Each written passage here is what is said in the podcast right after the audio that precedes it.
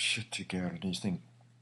Eh, undrar om det här, det här ser bättre ut. Okej. Vi testar en ny teknik för att, det ska, för att det ska höras bättre, det vi säger. Så vi har mikrofonen närmare munnarna. Du vet när man frågar folk någonting Mm. och så svarar de med Har du testat på att googla det? Sjukt störande. det är helt vanligt. Det är så sjukt störande att jag blir lite galen i huvudet. Är det så? Man bara, det är det första alla människor i hela universum gör, är att googla det. Sen frågar man.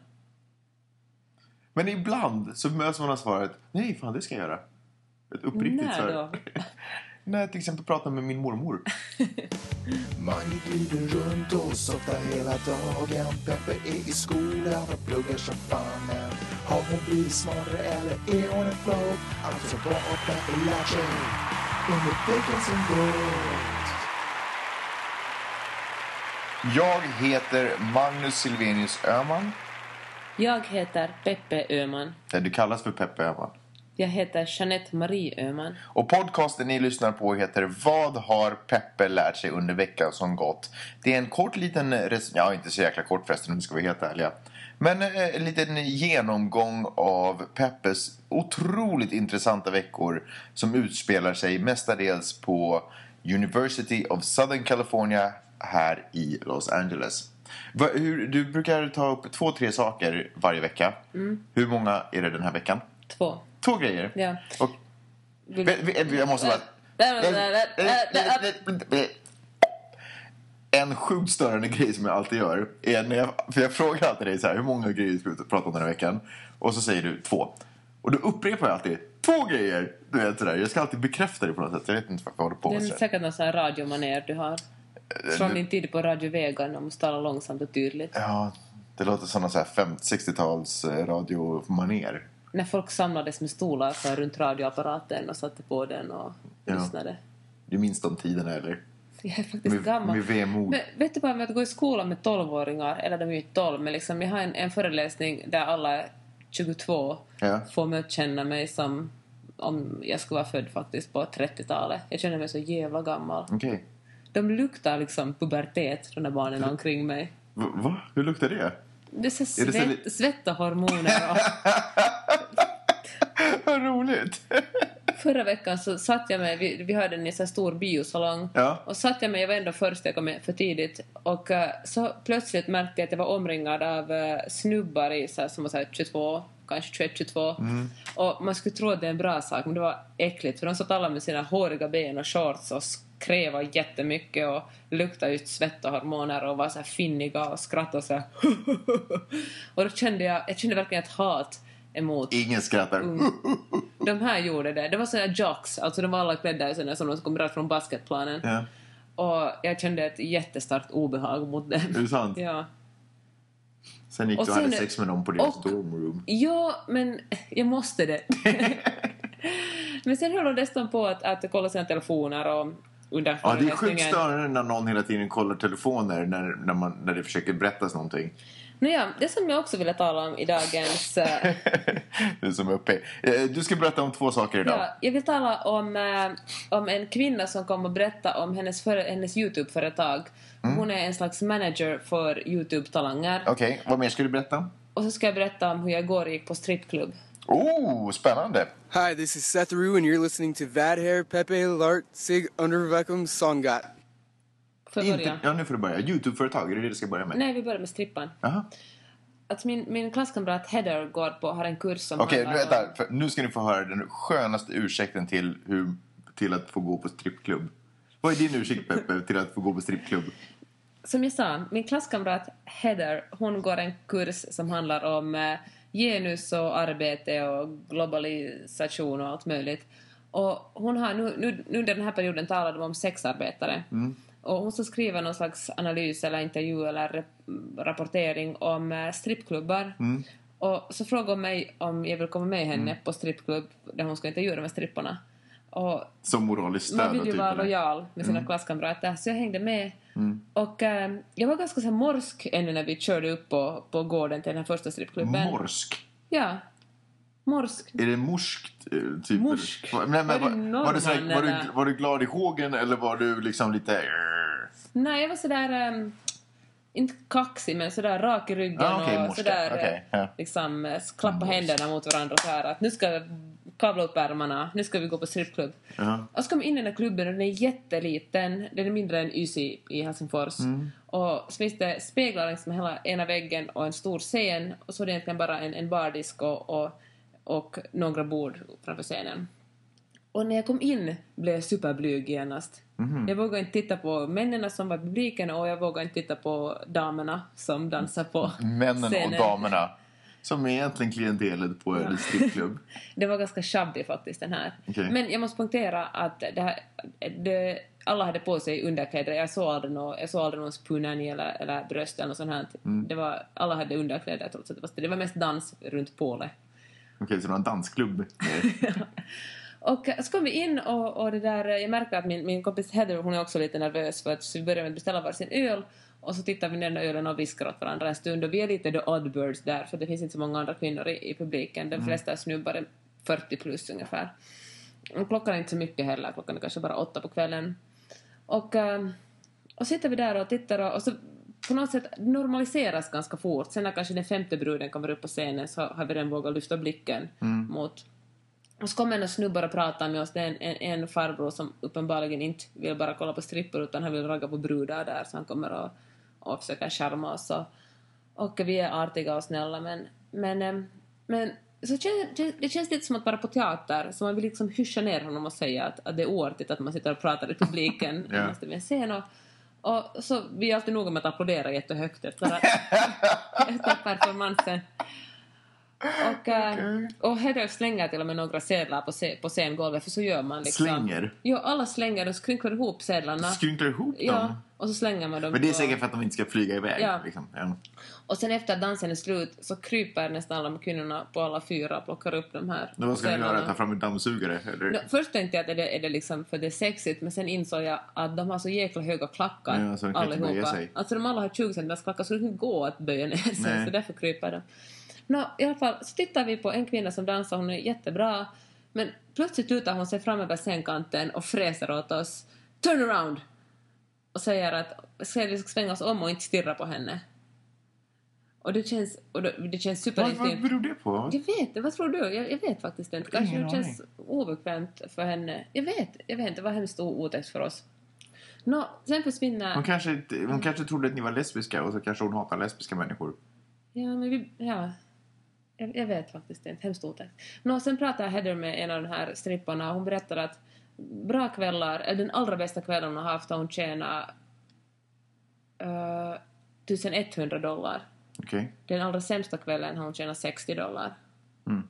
Och hon säger att hon gör det helt enkelt för att det är bättre betalt än att servera. Okej. Mm. Och hon tyckte, strippan säger att hon tycker att eftersom det hon gör är lagligt så tycker hon att det är fruktansvärt. Det är liksom dubbelmoral att man fördömer hennes jobb eftersom att folk ser ner på henne. Hon brukar inte berätta åt folk vad hon gör. Folk ser ner på att jobba som strippa. Nå, sen åker vi in till Santa Monica som du vet har middag med dig och några andra typer. Och så åker vi nu på en strippklubb efter middagen. Då är det mycket senare och det här är en, en, strippklubb i en helt annan del Det var så stan. konstigt att du åkte iväg igen på strippklubb. När liksom vi har käkat middag och man tänker nu kanske kvällen lite börjar med lite drinks och grejer. Du bara, nej nu ska jag på strippklubb, part 2. Men ni var alla med, ni var alla medbjudna. Ja, no, okej, yeah.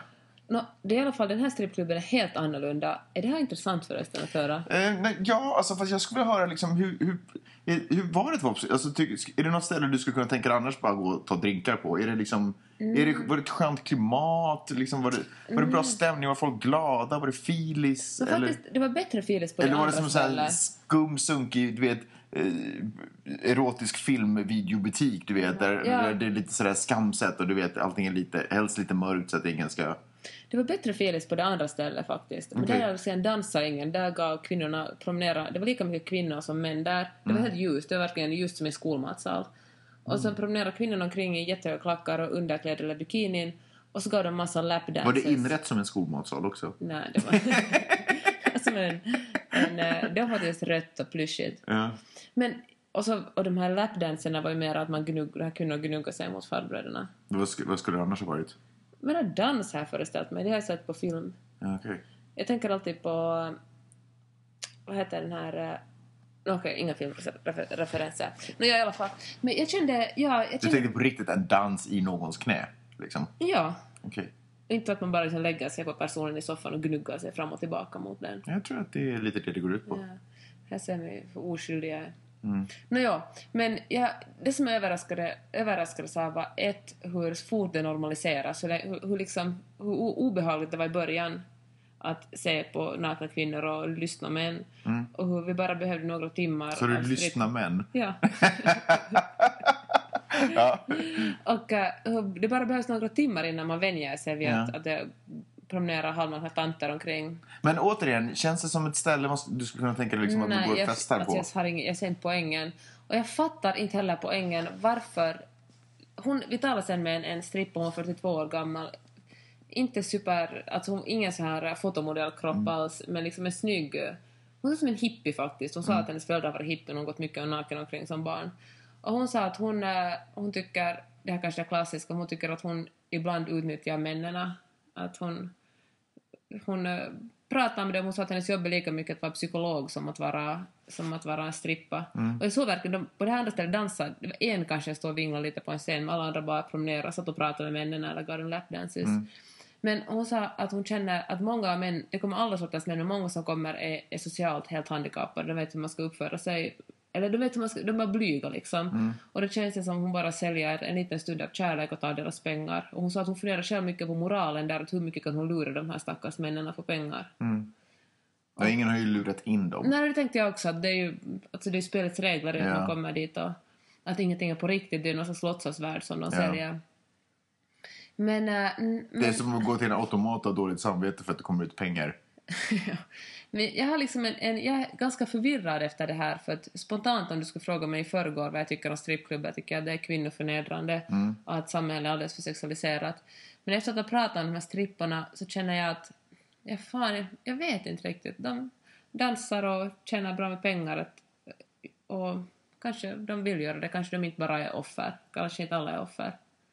Sen igen känner jag att det är ju ingen karriär man kan ha hur länge som helst. Jag menar... Men man kanske, beroende på kanske lite vad man jobbar, kanske man kan tjäna så pass mycket pengar att man inte behöver ha någon karriär efter. Tror du det? Man Jag, kan leva? jag, jag har ingen aning. Jag, jag tror att det finns ställen där det på riktigt Det känns kanske Las Vegas. sjukt Precis, där, Ja. det känns, där det finns jättemycket pengar. Men sen så, om vi tittar på kanske, nu har jag aldrig varit på en strippklubb i Helsingfors, men om vi tittar på kanske det som, så som jag inbillar mig att det är och så som jag kanske lite har hört också. Så tror jag kanske inte att tjejerna går från där som miljonärer eller du vet. Men tror du inte man känner sig smutsig efter att speciellt heter en massa lapdances, att en massa farbröders händer på ens kropp och liksom att man verkligen känner att man säljer lite en del av sin själ. Men jag vet Jag inte, måste alla göra, jag vet inte Nej, det är hur ju en annan sak att man bara dansar på en. Ja. Vissa brudar på den första strippklubben var så sjukt bra på att dansa. Ja. Men det var intressant. Men är inte det liksom det, de är dansare, är de inte det? Många, och, och sen så, ja. Du vet, det, är ont, så här tänker jag att de är, och jag tror jag tänker huvudsakligen USA nu. Mm. Jag tror att de är dansare, det är svårt att få jobb som dansare. Mm. Det här är ett, någon känner någon, så bara, hej men du kan, det här är ett bra sätt att få ihop pengar på. Så bara, okej jag testar. Okej, lite awkward, men när man gör det några gånger så bara vänjer man sig. Mm. Helt plötsligt står man bara och dansar liksom. Heather sa faktiskt att hon har en klasskamrat på den kursen som hon tar som brukar strippa för att försörja sig på, Mm. för sitt, på universitetet. Inte klassiska, att man försörjer sig för att gå skola. du universitetsstuderande, just det ja. Men hon, den här klasskamraten sa att eh, hon tyckte att det är så jäkla roligt. Mm. Att hon, för henne ger det en kick liksom att stå på scenen. Men så tror jag också att... eh, Och då finns det ju liksom exhibitionister. Men samtidigt så tror jag att vad man än väljer att göra så vill, blir man liksom dubbelbestraffad om man också ser sig som ett offer. Man vill inte se sig som ett offer vad man än gör. Förstås. Man, att, att också om man gör något som man kanske tycker att är förnedrande så väljer man hellre att säga att det har jag valt själv än att säga att jag bara är en stackars sate Ja. som har hamnat i det här. Så jag tror att det är jättesvårt att kanske på basis av intervjuer få reda på hur folk på riktigt mår. Ja. Men vet Men du, jag inbillar mig också att i- just i USA så tror jag faktiskt att folk överhuvudtaget inom sexindustrin har det bättre än vad man har det i Europa. Varför det? Jag, jag, jag, jag vet inte om det beror på att det är mycket... mer- Jag vet faktiskt inte riktigt. Jag har bara en, en sån bild att... Jag, har, jag kommer ihåg någon gång när jag jobbade på A-laget så då var det en tjej, en porraktris som sen började göra sina egna filmer, producerade själv. Alltså det känns som att det finns mer de möjligheterna. Att hon är från USA då? Ja, Ja. en jänketjej. Och det känns som att det, det fin- de har, tjejerna har mer makt på något sätt eh, här. På tal om makt förresten, en snabb sak. Är ännu. skyddade på ett helt annat Ja. sätt också. Jag vet inte. Men det var intressant på det första sunkigare stället där det bara var dans så fick de tjejer som egentligen dansade mindre men som var så här petit, som var små och nästan liksom som var små helt enkelt och som mest som Korta till växten. ja, även med jättehöga klackar och sen mest liksom luta sig mot, mot spegelväggen och, och sträckte på benen. Fick mycket mera applåder och, och pengar. En, det var några, några som var som var långa, som verkligen, man såg att de var dansö, liksom dansare. De hade inte så liksom, de hade inte så här skelettben utan de hade såna här, så här, alltså muskliga ben och verkligen gjorde supermycket tricks. Och jag undrar att, känns, har de, är de liksom, blir där gubbarna i publiken på något sätt rädda på något för en kvinna som sparkar med stora ben och vet du, stora rörelser? Fick de inte lika mycket applåder? Nej. Ja. Nå, fan vad vet jag. Nåja, det var, det, det var min erfarenhet av strippklubb. Jag måste fundera. Coolt. Jag måste Var det fundera första gången du var på strippklubb? Nej, jag var en gång i Helsingfors faktiskt. Ja, men då, men då vet du. Det, Ja. Skulle du inte säga att det är skillnad då på filisen och alltihopa? Det var på ett 30-årskalas. Det var inte som vi bara drogs med. Och det var Gentlemen's Club på Stora Robban och det var nog ganska snuskigt. Mm. Ja, det var faktiskt ganska... Där ska man byta ut sina sedlar mot någon slags såna monopolsedlar. Som Är det sant? Ja. Skulle din upplevelse av Helsingfors strippklubbsbesöket understryka min teori om att folk här har det bättre? I strippbranschen i alla fall. Svar ja, men, men jag måste understryka att varken du eller jag har gjort någon liksom forskning på det. Det är bara magkänsla. Ja. Nåja, men hör du, nu, nu går vi vidare till nästa tema som handlar om Youtube. Okej. Vi hade alltså en, en, eh, en Det är gästföreläsare. förresten, förlåt, men idag är det faktiskt YouTube Music Awards. Tack för den. Ah, skulle du säga det själv eller? Nej, jag skulle faktiskt inte. Ja. Det är faktiskt tänker titta på det. Det är en stor upplevelse. Tänker du kolla på det? Eh, nej, men eh, kanske några klipp därifrån. Det kommer göras live-video, musikvideoinspelningar med typ Eminem och sådana saker. Jag gillar att Youtube, att hålla på, det händer mycket med Youtube just nu. Det är spännande för det känns som att det inte, det, jag menar det är ju stort. Ja. Men det känns inte som att det liksom har exploderat, eller liksom... Eh, jag- Fast vet du, marknadsföring tror Etabler... jag. Jo, jag vet. Absolut. Allt det där. Men det är på något sätt... Jag sk... Det känns för amatör, det är amatörfilmer. Ja, det är inte en tv-kanal ännu. Ännu, Liksom. ja. Och jag väntar på att det ska bli det. Det kommer bli coolt. Ja, Jag inser också att jag har ju försökt eh, liksom, göra grejer, grejer på Youtube. ja. Men jag lyfter inte heller det till liksom en tv-kanal. Alltså det är roligt att göra det Ja. och, och det är många som tittar på det. Men det är ju ändå... Men det är på väg ditåt, för jag tror att det blir, alltså he- helt enkelt det blir, eh, alltså filmkameror blir mycket billigare, program att klippa blir billigare, folk blir duktigare hela tiden. Ja. Så jag tror att i något skede kommer liksom amatörfilmer att vara på nästan samma nivå som professionella, eller det suddas ut åtminstone gränsen mellan dem. Ja, jag skulle vilja göra bättre saker där på Youtube. Men gör det då! Okej, ja, men vad vet du om Youtube? Den här gästföreläsaren hade börjat för eh, en, en brud i, i liksom typ min ålder, alltså ganska gammal. Men hade börjat... Brud i min ålder. Man vet att man är gammal när man refererar till folk En som brudar. tjej. en tjej. Nåja, hon hade börjat redan 2009 fundera på att hon skulle kultivera eller liksom vara manager för olika YouTube-kan- YouTube-personligheter. Och det är hennes pojkvän ha- heter Mystery Guitar Man. Jag har inte en YouTubare men jag ska kolla upp vem han är. Han är Youtuba. Roligt ord. Ja. och, eh, och hon berättade, då hade folk skrattat åt henne men nu tydligen grundade hon ett företag sen något år senare och nu plockar hon upp folk på Youtube som hon tycker är ganska, verkar duktiga och så gör hon samarbete med dem. Lite så här som Suomen bloggimedia gör med bloggar. Just det. Att eh, det är inte bara de där små, små banners som dyker upp utan det kan vara så att, att man blir sponsrad av Coca-Cola eller sponsrad av liksom en, en skoaffär eller hon hade faktiskt jättestora kunder. Hon liksom jobbar faktiskt med Coca-Cola och liksom, nu ska jag namedroppa en massa andra men, liksom det var en, men jag kommer inte på någon. Men alltså på riktigt jättestora företag som, som jobbar med henne. Men, eh, och då talar hon mycket om skillnaden mellan att ha en, en bra engagerad publik och att ha en stor publik. Just. Hon, för hon sa att de, de eh, Youtube-klipperna med mest... eh, Att det är liksom inte en tävling i antal, man måste ju ha liksom fler än tre besökare som har sett det. Mm. Men upp till en viss nivå så är det inte så stor skillnad hur många det är, utan det handlar mer om att hur vilken ens relation är med, med sina tittare. Och så sa hon också det att, att det också, precis som på alla andra sociala medier handlar det om interaktion. Att man ska inte vara en, en eh, man ska inte stå på en, vad heter det, en subbox. Alltså man ska Nej. inte ställa sig på en låda och skrika ut bara sitt, sitt budskap utan man ska föra en dialog med, med sina besökare. Just det. Och hon sa att det är jättefarligt det där för det är många som verkligen använder Youtube till att bara ropa ut vad de vill. Ja. Medan, och då kan man lätt förstöra sitt kulturellt, sitt, vad, vad kallar man faktiskt kulturellt kapital, eller socialt kapital. Ja. Att, man, eh, att om man ignorerar sina följare eller sina fans. Ja. Och när det är slut så är det jätte, jättesvårt att få tillbaka det, att få tillbaka kredibiliteten om man liksom använder det fel. Och jag tänker på samma sätt det att om man som bloggare No, för det första får bloggare inte heller svara på kommentarer eller använda sin blogg bara för att marknadsföra saker utan att liksom utan att få ha någon interaktion alls. Så Ja, kan man jättelätt förstöra sin relation och det är jättesvårt att bygga upp en, en, en relation tillbaka. Så, så det var hemskt spännande, tycker jag. Ja. Så tips honom om en TED-talk. För det är roligt Ja. faktiskt, förlåt, men det är roligt faktiskt så när man, de få gånger som jag skriver en kommentar någonstans så är det roligt när du vet, man, man har ändå tagit sig tid och läst. Det är ju förstås, man vill göra det så det är roligt. Men man har ändå liksom tagit sig tid, läst, eh, funderat lite på det och sen vill man delge Ja. någonting. Och att, den person, att man får ett kvitto på att den personen har sett det och liksom bara, ah, Ja. tack för din kommentar, du vet, eller vad fan som helst. Ja, men det, det gör faktiskt ganska mycket än att det Då bara kommer man blir... gärna tillbaka. Ja, det, än att den bara blir liggande där. Mm. Och hon talar också om, om eh, hur, hur, hur, mycket, hur värdefullt det är att, att kunna föra omkring publik på webben. Du vet att, att man har kanske en publik på Youtube, men så kan man säga att hej, kolla in den här TED-talken eller den här bloggen eller den här eh, Facebook-sidan, den är bra. Att det, är liksom, det är någonting som hon letar, eller hon försöker liksom kultivera och som manager försöker få att kunna försöka få sina kunder liksom att, att eh, ha en, en, en fanbase eller en publik, vad man kallar det, som de kan flytta omkring och liksom tipsa om bra saker. Och inte bara i marknadsföringssyfte, för henne handlar det såklart om att, om att uh, tjäna pengar också, men hon sa att hela tiden ha en, en relation ändå, att, att kunna leverera, leverera så bra material att det blir eh, värt för tittaren att ha liksom, reklam i inlägget. Ja. För hon sa att det är att man ska, det som hon också brukar säga till sina kunder, att de ska försöka kommunicera det är deras jobb, det är det de får sin inkomst på, att det är som de, all underhållning som de producerar, för, må- för nästan alla, alla av hennes kunder lever på Youtube, att de ska kommunicera till sina tittare att det här gör de, att det är deras, det- de får lön från det här. Ja. Det är inte något som de bara gör av, av liksom, för det är kul. Nej, precis.